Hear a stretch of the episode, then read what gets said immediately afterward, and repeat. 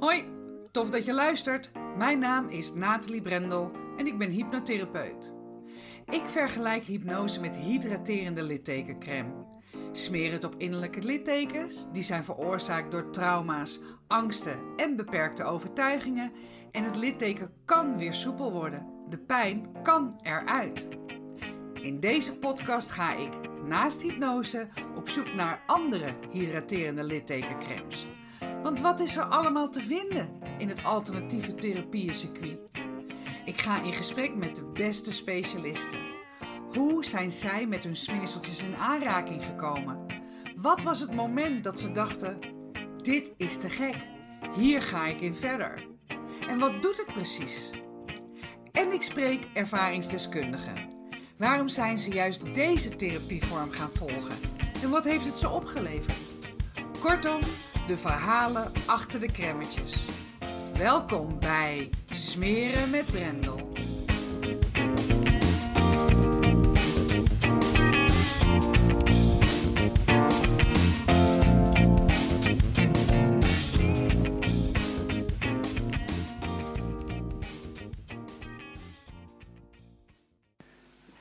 Tegenover mij zit een ervaringsdeskundige, Mark van Veen. En Mark is ervaringsdeskundige in verschillende soorten alternatieve therapievormen die hij gevolgd heeft. En ik ben heel benieuwd naar zijn verhaal, hoe hij hier toegekomen is. Maar ten eerste, welkom Mark, fijn dat je er bent. Graag gedaan.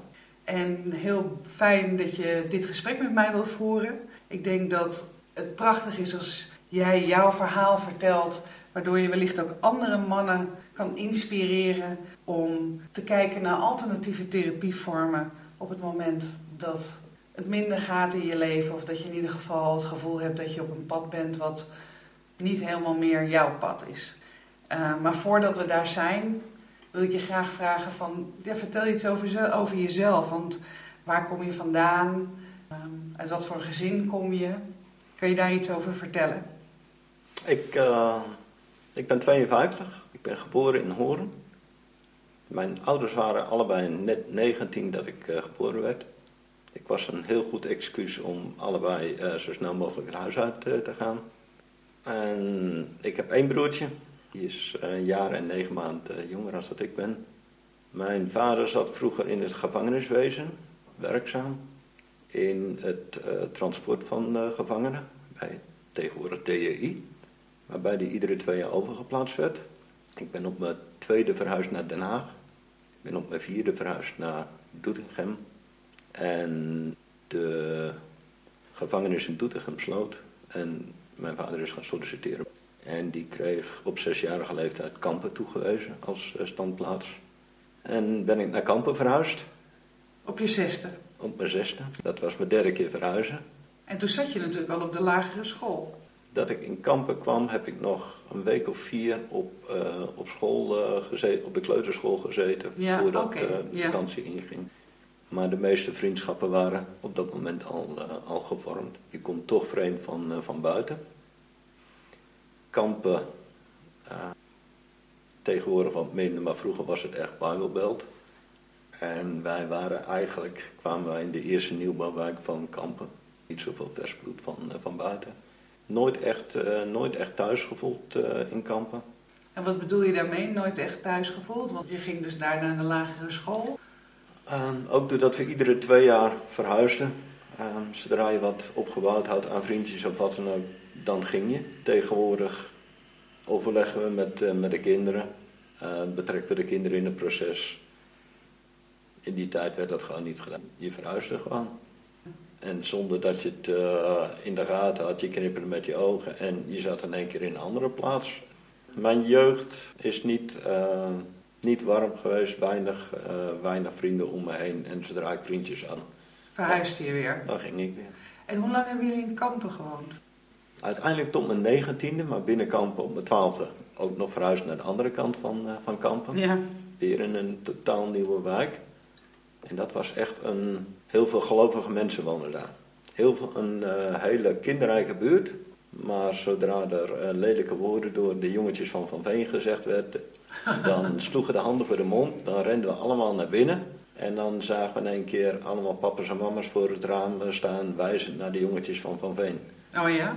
En dat heb ik nooit als, uh, als prettig ervaren. Nee, want wat doet dat dan met je ook? Inderdaad, als iedereen zo naar je kijkt. Je hebt het gevoel dat je wat uh, verkeerds uh, gedaan hebt. Terwijl op dat moment was je boos. En ja, en dan gooi je in je mannelijke energie gooi je er nog wel eens wat, wat verwensingen gooi je eruit. Ja, Ja. Dat werd in die geaccepteerd. Nee. En hoe oud was je? Want je zegt ik was 19 uiteindelijk dat je wegging uit kampen. Dus je hebt daar je, ook je hele puberteit doorgebracht. Ja. Hoe was dat? Ik ben altijd uh, eigenheimer geweest. Veel op mezelf, vaak maar één of twee uh, vrienden en that's it. Als ik het zou moeten omschrijven, eenzaam. Eenzaam? Ja. Ja, want je zei net ook dat het niet warm was thuis. Wat is dat voor jou voor een definitie, niet warm? Allebei de ouders komen uit een nou, die traumatische jeugd gehad. Zij hebben allebei een traumatische jeugd gehad. Vandaar dat ik ook een welkomstgeschenk was om het huis uit te gaan. Dus de warmte hebben ze zelf ook niet gekend. Ja, op het moment dat je iets zelf niet kent, is het ook lastig om dat over te brengen op anderen. Ja, dat weet je nu of dat wist je, dan had je dat toen ook al in de gaten? Kon je dat toen ook al plaatsen? Onbewust kon ik het toen al, uh, al plaatsen. Wat knap. Mijn vader, hele lieve man, waar je ook komt, iedereen zal positief over hem zijn. Hij kon fantastisch praten, behalve met zijn eigen zoon. Dat kwam te dichtbij en daar kon hij niks mee. Dus ik heb een hele lieve vader, alleen in de ook nooit voor vol aangezien. Leeft hij nog? Nee. En je moeder? Die leeft nog wel. Die heeft een jaar of tien terug uh, binnen korte tijd twee keer herseninfarct gehad. En de eerste keer waar ik naast stond, toen had ik ook echt het gevoel, oh shit, nu blijf ik alleen over, nu ben ik de oudste. En uiteindelijk is ze uh, aardig, uh, aardig opgekrabbeld, maar mijn, uh, mijn moeder um, is nooit over de dood van mijn vader heen gekomen. Ze doet, ze doet het best tegenwoordig, ze gaat eruit diverse wandelclubs. Maar er hoeft ook maar iets te gebeuren, dan zegt ze ook stek het eruit en stop er maar mee. Maar ik heb het kunnen accepteren dat het haar keuze is. Ik heb um, heel lang verwijten gehad naar, naar mijn ouders. Totdat ik het besef kreeg dat een ouder het maximale aan zijn kind geeft wat hij of zij op dat moment kan. Dus dat alleen het leven geven. Maar dat, dat was het maximale, dus ze hebben het maximale gegeven. En dat is mijn lot, daar moet ik het mee doen. Mooi, en, mooi dat je dat zo, zo, ziet ook. Vanaf Zij... dat moment kun je uh, je ouders ook met andere ogen bekijken. Dan kun je ook gewoon een knuffel geven vanuit liefde. Van man, ik hou van je, je hebt je best gedaan. En kon je dat toen al op je negentiende? Nee. Nee. nee ik, uh... Want op je negentiende ben je toen weggegaan uit kampen?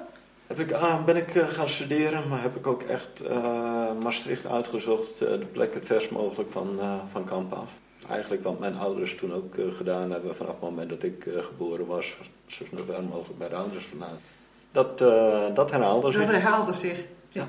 Je had een goed voorbeeld. Je had Ja. goed over, nagekeken. In principe Of, eh, is, zijn de ouders het voorbeeld van, van de kinderen. En Ja. op het moment dat je terug gaat kijken, dan zul je toch zien dat je eh, onbewust toch dingen van, eh, van ze overneemt.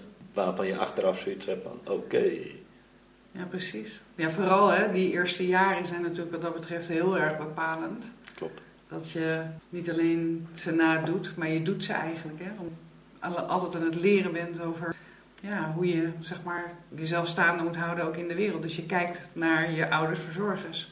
Ehm, en zij doen ook wat zij kunnen. Het is mooi dat je nu kan zien dat er, dit is wat het was. Dat is toch, ja. Ja. Ja. Maar goed, even terug in de tijd dan. Want dan ben je 19, dan ga je naar Maastricht, dan ga je studeren. En dat was eigenlijk de tijd dat ik opbloeide. Ik eh, woonde in een eh, studentenhuis. Uh, hele leuke mensen om, eh, om me heen. Tijdens de studie hele leuke mensen ontmoet. En gewoon een hele leuke, gezellige tijd. En voor mij was universiteit ook iets om niet... Daar lag mijn hartje niet, maar op het moment dat ik universiteit deed, dan werd ik gezien. Kon men trots op me zijn. Dat brak me eigenlijk na het tweede jaar eh, brak me dat op. Het was gewoon te hoog. Ik moest te veel op mijn tenen lopen, te veel tijd erin. En mijn hart achter ook niet. En toen? Ehm, ben ik gaan, terug naar, naar huis gegaan, gaan wonen. En ben ik HAO gaan doen. Maar wel weer terug naar Kampen dus? Ja. Ik ben HAO in Arnhem gaan doen, geprobeerd om woonruimte te zoeken in. Alleen dat had ik in februari nog steeds nou, met drie uur treinen per dag. Dat brak me gewoon op. En daar ben ik toen ook eh, mee, uh, mee gestopt. Voelde wel als falen. En mijn moeder werkte in die tijd als assistent, bedrijfsleider bij Trekpleister En die gaven aan dat Trekpleister op zoek was naar bedrijfsleiders. Dus toen heb ik uh, de opleiding, vakopleiding drogisterijen gedaan. En ben ik bedrijfsleider geworden op mijn 23 filiaal uh, Scheveningen kreeg ik uh, toegewezen. Dus ik ben vanuit uh, Kampen weer naar, naar Scheveningen verhuisd. En daar heb ik eerst twee weken bij collega bedrijfsleider in Den Haag staan meegelopen. En na een dag of vier kreeg ik een telefoontje vanuit Scheveningen dat mijn assistent bedrijfsleider in elkaar geslagen was, ook het direct wilde overnemen. Zo ben ik bedrijfsleider geworden. En hoe zag je privéleven er toen de tijd uit? Was je nog vrijgezel? Ja. En je woonde nog thuis ook toen nog? Ik heb in, Den eh, in Scheveningen zelf woonruimte gevonden. Totaal geen vrienden in de omgeving. Ik leefde volledig voor, eh, voor, mijn, eh, voor mijn werk. Dat filiaal lag helemaal op zijn kont. Qua cijfers was het drie keer niks. Stond al 2,5 jaar zonder bedrijfsleider. En ik kreeg eigenlijk gewoon de ruimte om er wat van, van te maken. Dat heb ik ook, ook gedaan. Ik heb er echt wat moois van, van gemaakt. Alleen een beetje te eigenwijs. Te eigenwijs? Hoe bedoel je dat? Ik heb tijdens uh, een bijeenkomst van alle bedrijfsleiders uit de regio, waar de commercieel directeur uh, uh, langskwam en haar plannen ontvouwde, aangegeven dat, dat dat geen goed idee was en uitgelegd waarom niet. Ja, wat vond ze daarvan?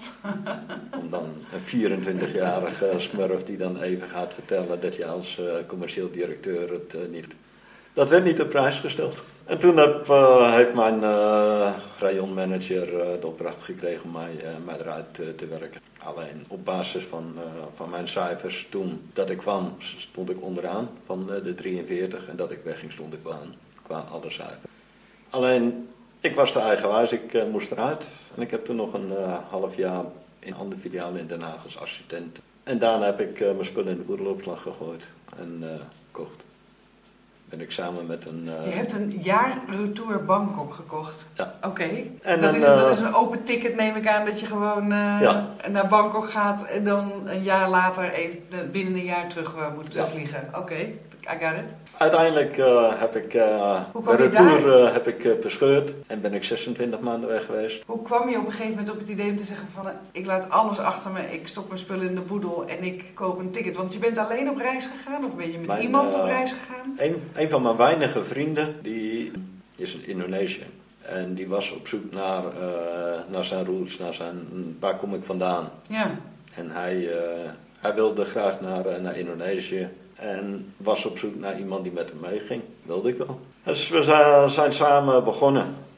En na een week of zes, zeven zijn we uit, uh, uit elkaar gegaan. Gewoon als goede vrienden. Hij is zijn kant op gegaan. Ik ben de andere kant op gegaan. Uiteindelijk hebben we elkaar na een jaar bij toeval in een uh, hostel in Singapore weer, uh, weer gezien. En bleek dat we exact hetzelfde gedaan hadden, alleen in precies omgekeerd.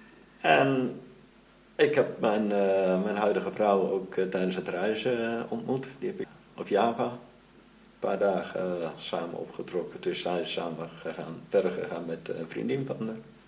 En dat hebben we twee maanden later in Singapore afgesproken. Van daaruit zijn we zelf nog anderhalf jaar gaan, gaan reizen. Dat is een mooi begin van je verkeringtijd, hè? Of hadden jullie toen nog niet verkering? Nou, ik kan je vertellen dat het heel intensief is. Op het moment dat je vanaf seconde 1, 24 uur per dag op elkaar slip zit. In een, uh, een land waar, uh, waar niemand je taal spreekt. En jij de taal ook niet.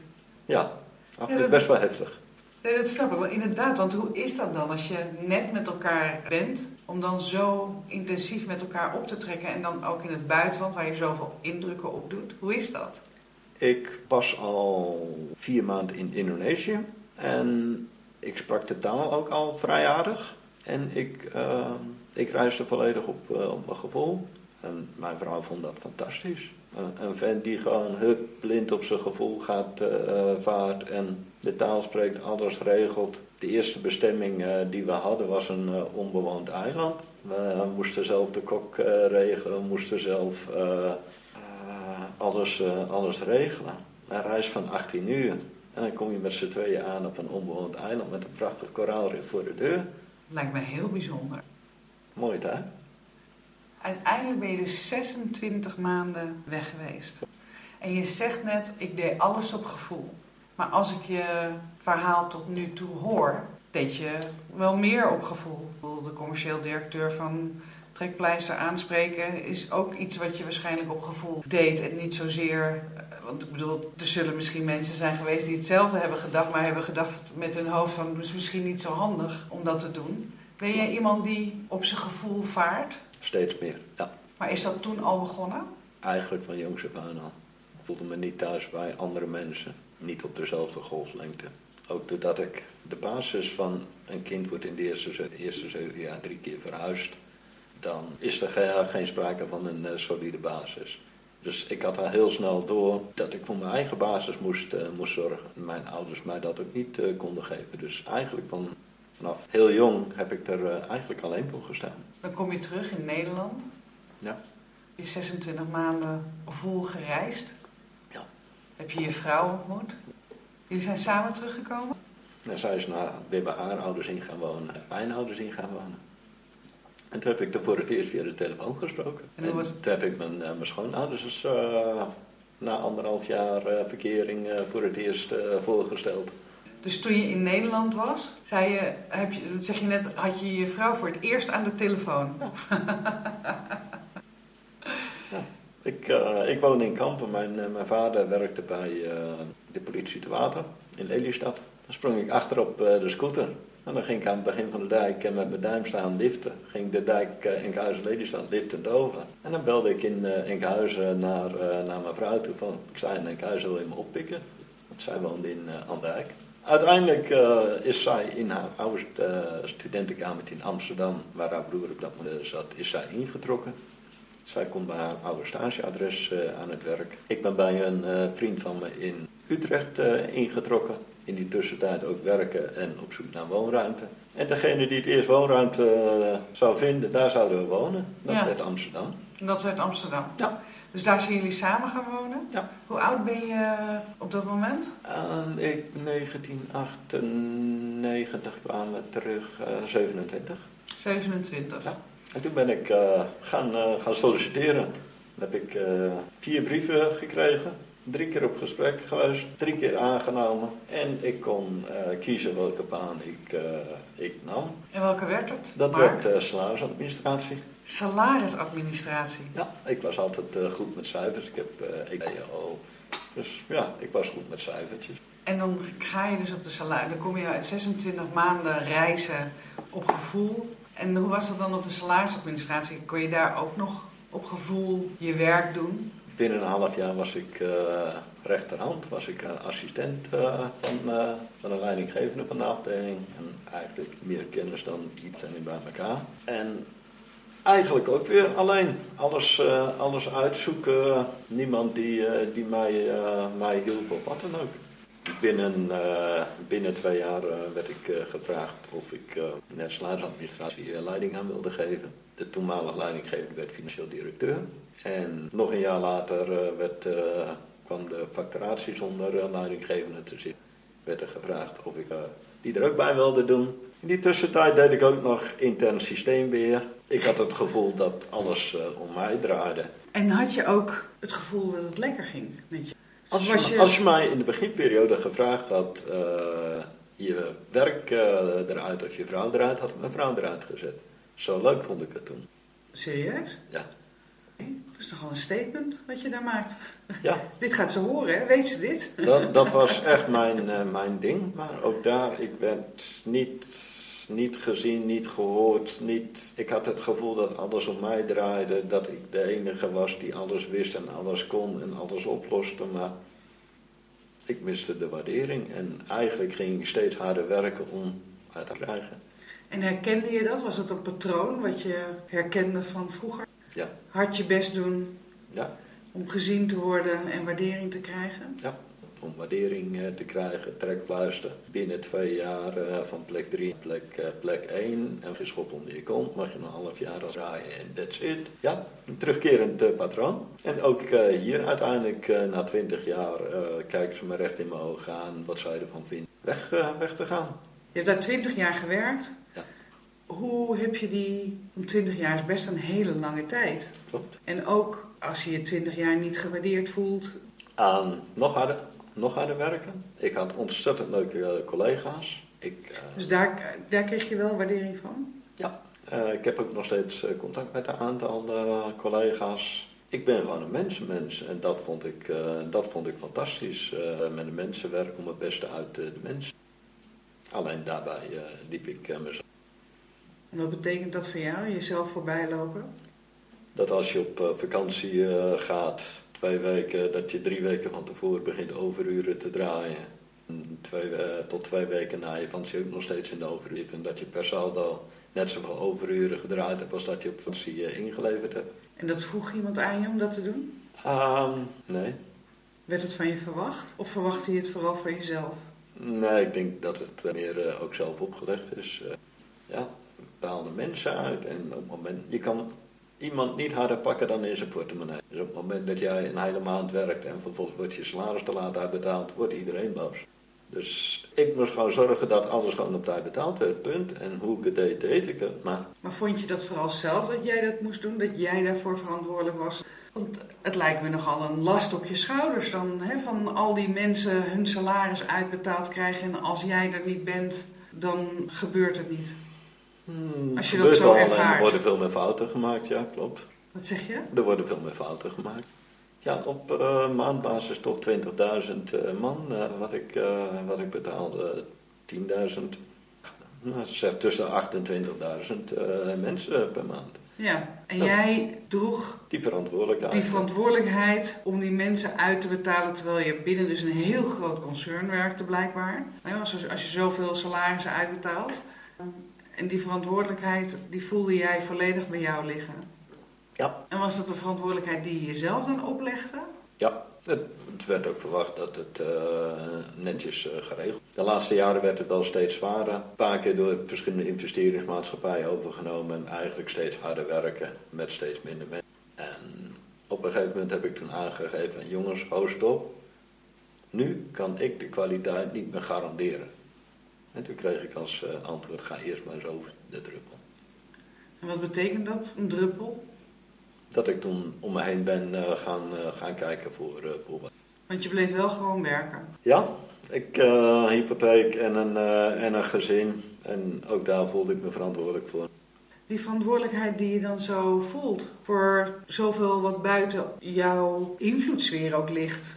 Daar, eh, daar was ik voor de rest ook niet mee bezig. Ik eh, moest gewoon zorgen dat alles eh, goed en op tijd uitbetaald werd. En eigenlijk wordt de kraan steeds een beetje dichter gedraaid. En je steeds een beetje harder werken. En op een gegeven moment werk je acht uur per dag 110 procent. Het kan best wel eens een tijdje in het rood staan, maar niet, eh, niet te lang. Ik heb eh, jarenlang woon-werkverkeer horen Amsterdam eh, met de motor gedaan, tussen de file door. En met name s'avonds na een dag hard werken, dan tussen de file door, maar rent eh, de file in. Eh, dat brak ook op. Toen heb ik een motorongeluk gehad op de A7. En daarna ben ik toch gaan nadenken van is dit het waard? En wat was het antwoord? wat was het antwoord, Mark? Was Ah. dit het waard? Want hoe ging het thuis ondertussen dan? Wat vond jouw gezin daarvan? Want je hebt ondertussen ook kinderen gekregen. Klopt. Ik, eh, dat was in de tijd dat, dat zo'n geel blokje met eh, die zelfklevende stickertjes ook standaard op mijn nachtkastje lag. Dat als ik eh, s s'nachts wakker eh, werd en er schoot me wat er binnen wat ik vergeten was, dan kon ik het opschrijven en Van die post-its bedoel ja, je? van die. Die lag eh, standaard op mijn nachtkastje. Maar kan je mijn vraag eh, beantwoorden? Wat, jij kreeg dat ongeluk op de A7. Ik bedoel, je bent ondertussen 20 jaar verder. Jij hebt een verantwoordelijkheid voel je eh, om 20.000 uh, salarissen uit te betalen? Als eindverantwoordelijke, zeg maar. Ja. En dus die verantwoordelijkheid voel jij dan, terwijl er van alles om je heen gebeurt waar je geen invloed op hebt. Ja. En dan krijg je dat ongeluk. En toen zeg je van ja, maar toen ben ik wel gaan nadenken. Zijn er geen signalen eerder geweest? Is er niemand die tegen jou heeft gezegd, van die collega's ook, van joh, Mark, misschien eh, Je, wordt het tijd. Jawel, jawel, jawel. Ja, thuis ben je niet, eh, niet de gezelligste meer. Kort lontje. Leven van weekend naar weekend. Ik heb toen wel ouderschapsverlof opgenomen. Ik ben toen wel vier dagen per week eh, gaan, gaan werken. Ja, ja, dat deed je dus waarschijnlijk wat je in vijf dagen deed in vier dagen. Precies. Ja, precies, ja. En dat motorongeluk was nog niet genoeg. Er moest nog een tweede motorongeluk eh, komen. En pas na het tweede motorongeluk ehm, heb ik eh, gezegd van ik, eh, ik stop met, met motorrijden. Het was voor mij eigenlijk ook om zo snel mogelijk weer, weer thuis te komen. Met motorrijden heb ik voor de rest helemaal niks. Ik heb ook nooit één toerkilometer gereden. Ik heb totaal 150.000. Het was gewoon e- efficiënt, omdat je dan langs de file kon. Dat je er eerder was en weer eerder naar huis kon. En na de tweede aanrijding, dat was eigenlijk vlak bij, eh, vlak bij huis, op de rotonde of eh, vlak voor de deur, werd ik eh, geschept. En toen kon ik bij volle besef mijn vrouw nog bellen. En toen zei ik van, hoor je die sirene? Ja, ik zeg, die is onderweg van mij. Ik lig plat nu. En dat was ook voor haar het moment om te zeggen, oh stop, tot hier en niet verder. Ik ben daarna nog wel een paar keer met de motor gegaan, maar eigenlijk ben ik vanaf dat moment overgestapt op de trein dan. En heb ik eigenlijk voor het eerst bewust voor mijn eigen gezondheid gekozen. Oké, maar even voor mijn beeldvorming. Dus voor je gezondheid kiezen was niet meer met de motor naar je werk gaan, maar met de trein. Ja. Maar het was niet dat werk waar je al die verantwoordelijkheid voor voelde, om daar eh, verandering in te brengen. Dat had je Nee. nog niet. Nee.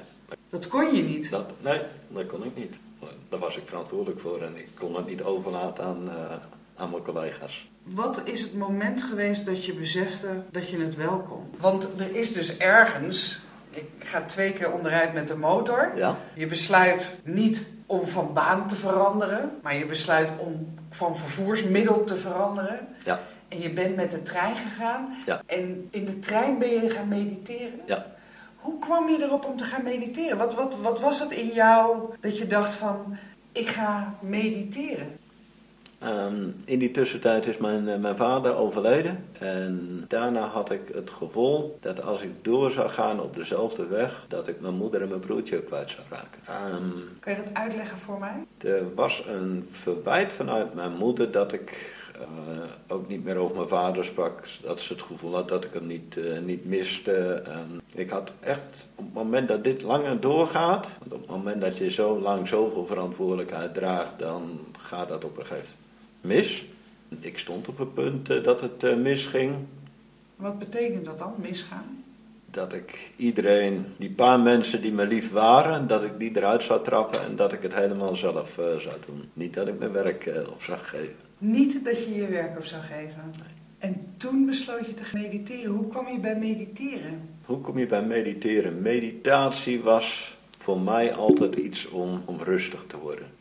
Dat is wat ik hoorde. En in horen was er toen een cursus eh, leren mediteren. Dat heb ik eh, gedaan. Ik heb die opleiding eh, gedaan, die cursus. En daarna tussen Horen en Amsterdam was Sloterdijk 25 minuten. Dat was gewoon mediteren. En meditatie is niets meer of minder dan stilstaan bij wat er op dat moment is. En is er onrust, dan is er onrust. Is het rustig, is het rustig. Maar je komt daardoor wel dichter bij, bij jezelf. Maar meditatie was voor mij eigenlijk een trucje om mijn werk nog wat langer vol te kunnen houden. Maar kwam je ook wel bij jezelf dan?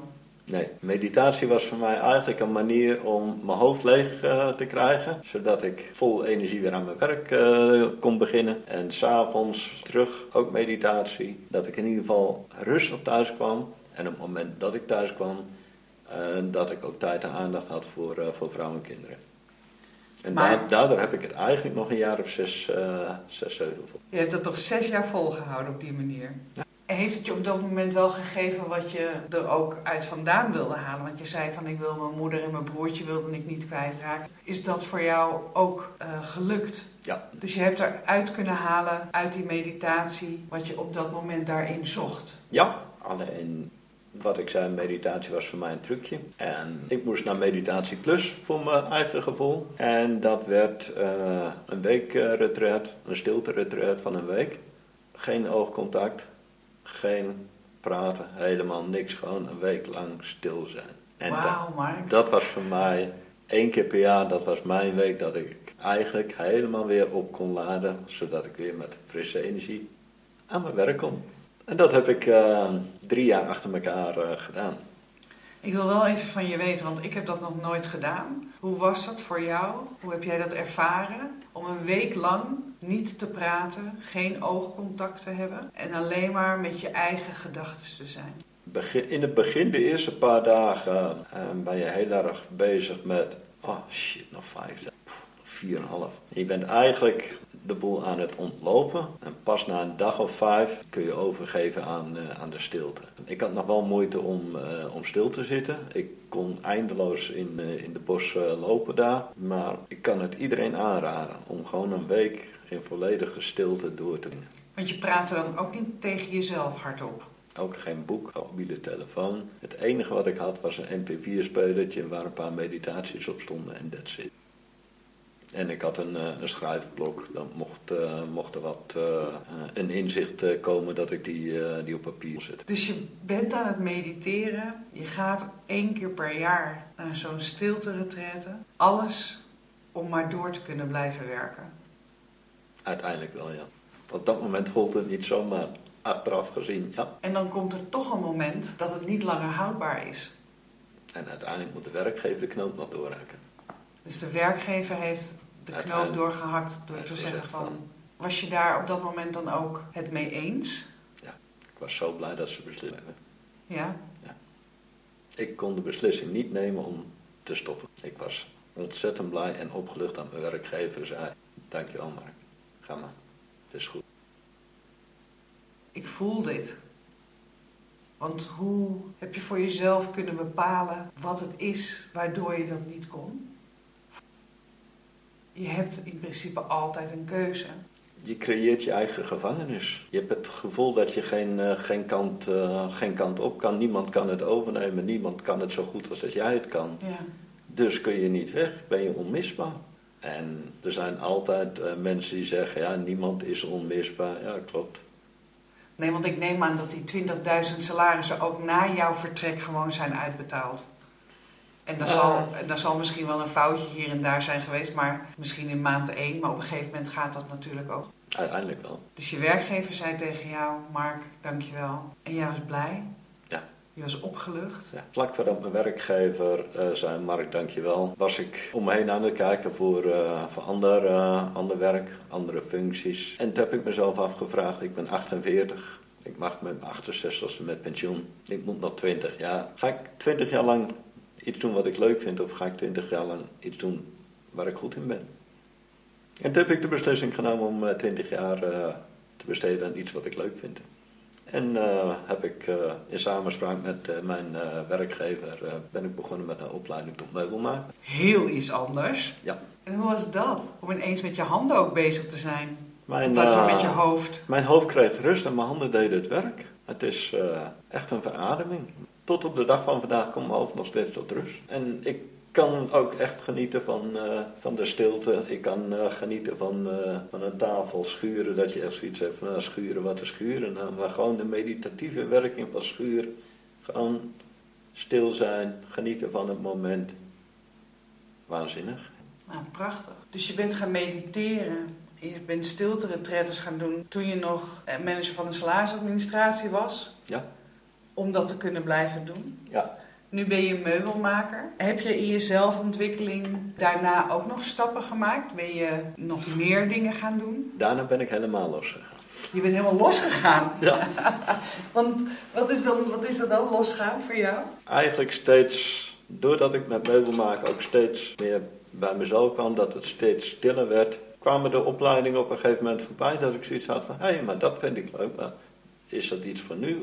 En eigenlijk vanaf dat moment kon ik ook weer vanuit mijn gevoel uh, kon ik dingen doen. Op het gebied van spirituele ontwikkeling komt er zoveel voorbij. Er is ontzettend veel. Alleen niet alles is passend voor dat moment. Mhm. En ik kon eigenlijk heel makkelijk eh, aanvoelen van... hé, hey, is dit nu passend of is het niet, eh, niet passend? En wat was passend? Wat heb je gedaan? Via LinkedIn ben ik in contact eh, gekomen met, eh, met een mannencoach. En dat was voor mij volstrekt eh, nieuw, doordat ik me eigenlijk altijd ver gehouden heb van, eh, van mannen. En Vergehouden van mannen of van coaches? Heb je wel een coaches gehad dan daarvoor, in die periode dat je... nooit. Nee. Nee.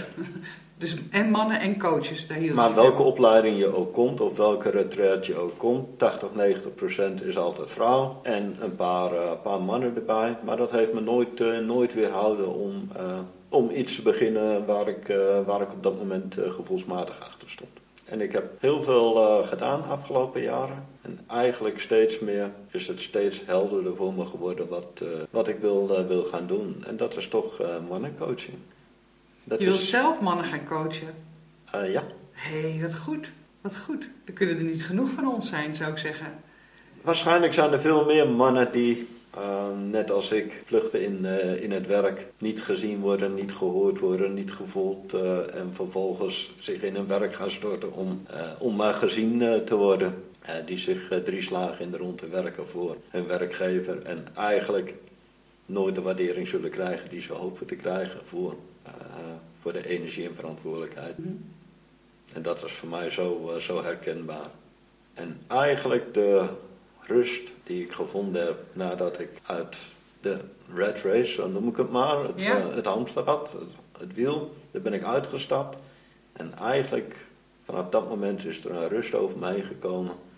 En die rust gun ik iedere, iedere man. En iedere vrouw ook trouwens. Wat is er nu anders dan daarvoor?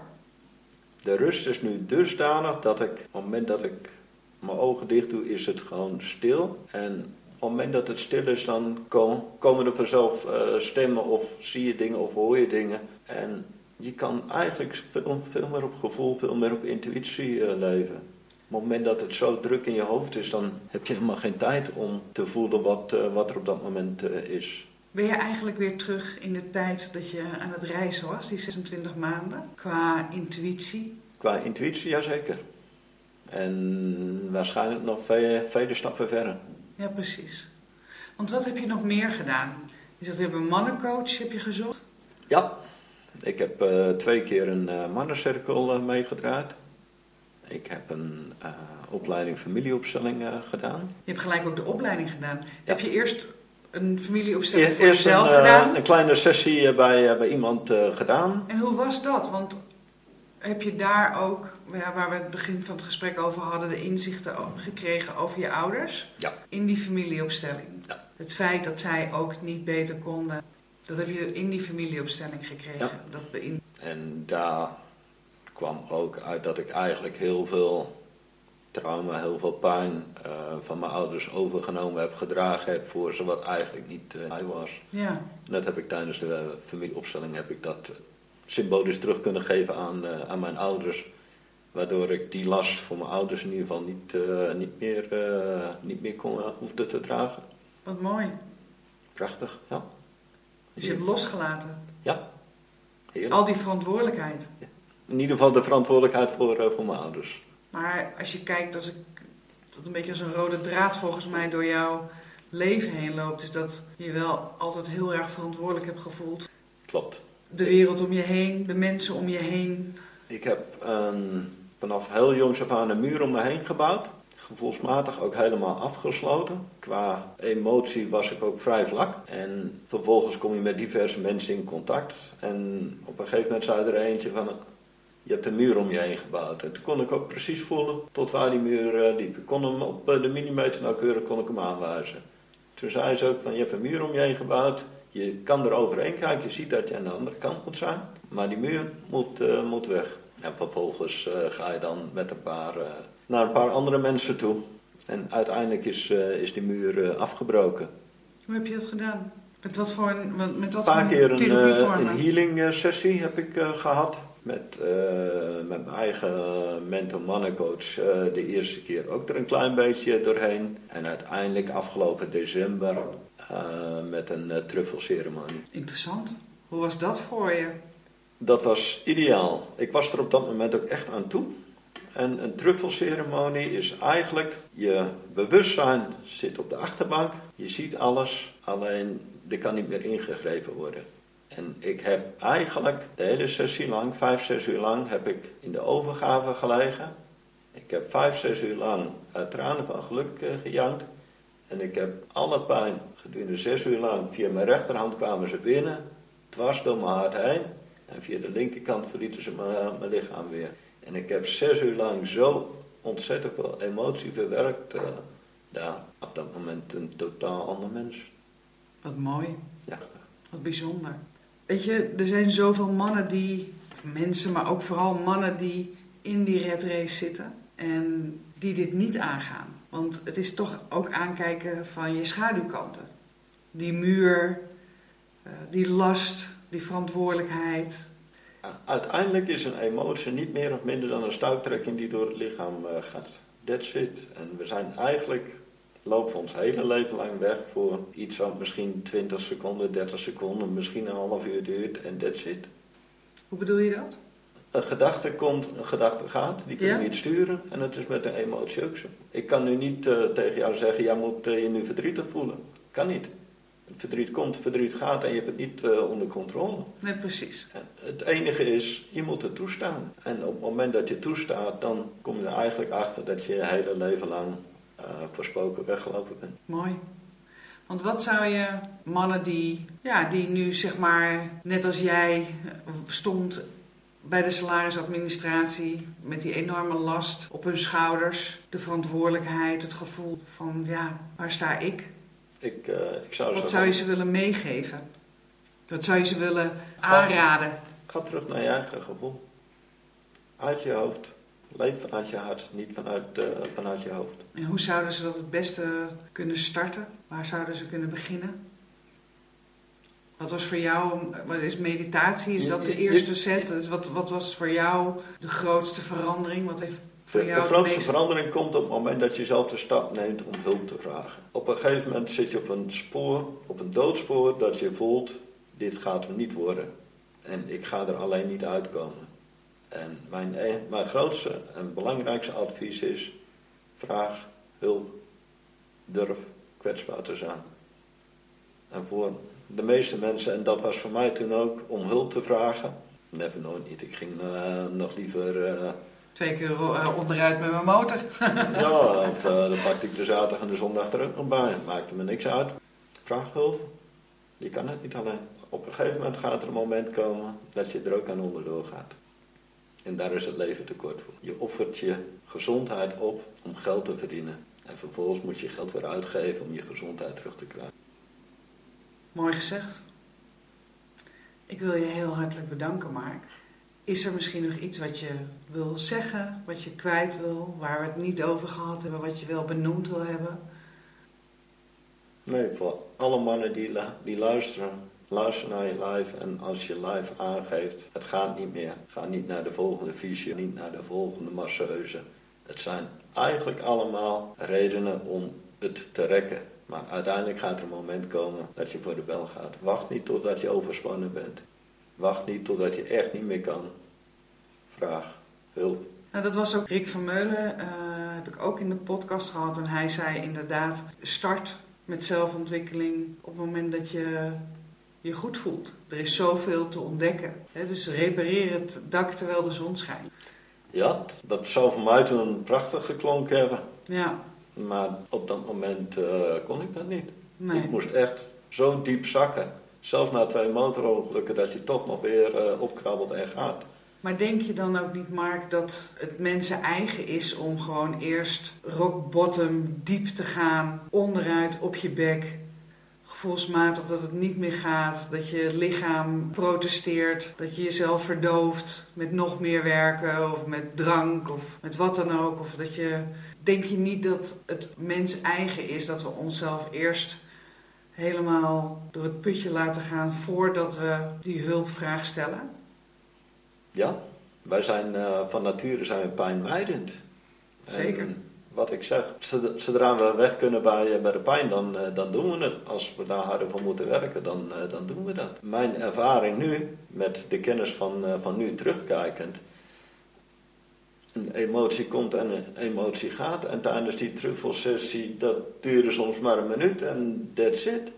En toen heb ik echt zoiets van, ben ik hier nou mijn hele leven lang voor op de loop voor een emotie die door mijn lijf heen trekt. Dus met terugwerkende kracht zeg je, doe niet als wacht, ik. Wacht niet totdat het te laat is. Het gaat ten koste van je, van je vrienden. Het gaat ten koste van, uh, van je gezin, je kinderen. Het aantal scheidingen is uh, nog nooit zo hoog uh, geweest als de laatste tijd. Ja, de een ehm, gaat mediteren zodat hij zijn werk nog langer vol kan houden. De ander slikt antidepressiva om het langer vol te houden. Realiseer je gewoon dat het anders moet. En hoe anders, dat hoef je niet te weten. Maar op het moment dat jij voor jezelf de beslissing neemt, dit gaat er niet meer worden, dit moet anders, zoek hulp. Mooi. En jij hebt dat gedaan? Ja. Je hebt het gekregen? Ja. Je hebt het beide handen aangepakt? Ja. Je bent meubelmaker geworden, je werkt met je handen. Ja. En je bent zelfs zo in vervoering geraakt dat je nu zelf voelt dat je mannen wil helpen in hun reis in een, naar zelfontwikkeling. In een proces. Uh, ja. om nou, prachtig. te ontwaken. Ja. Prachtig. Dat is mooi. Zo voelt het ook. Dank je wel. Graag. En uh, ik wens je alle goed. Dank je wel.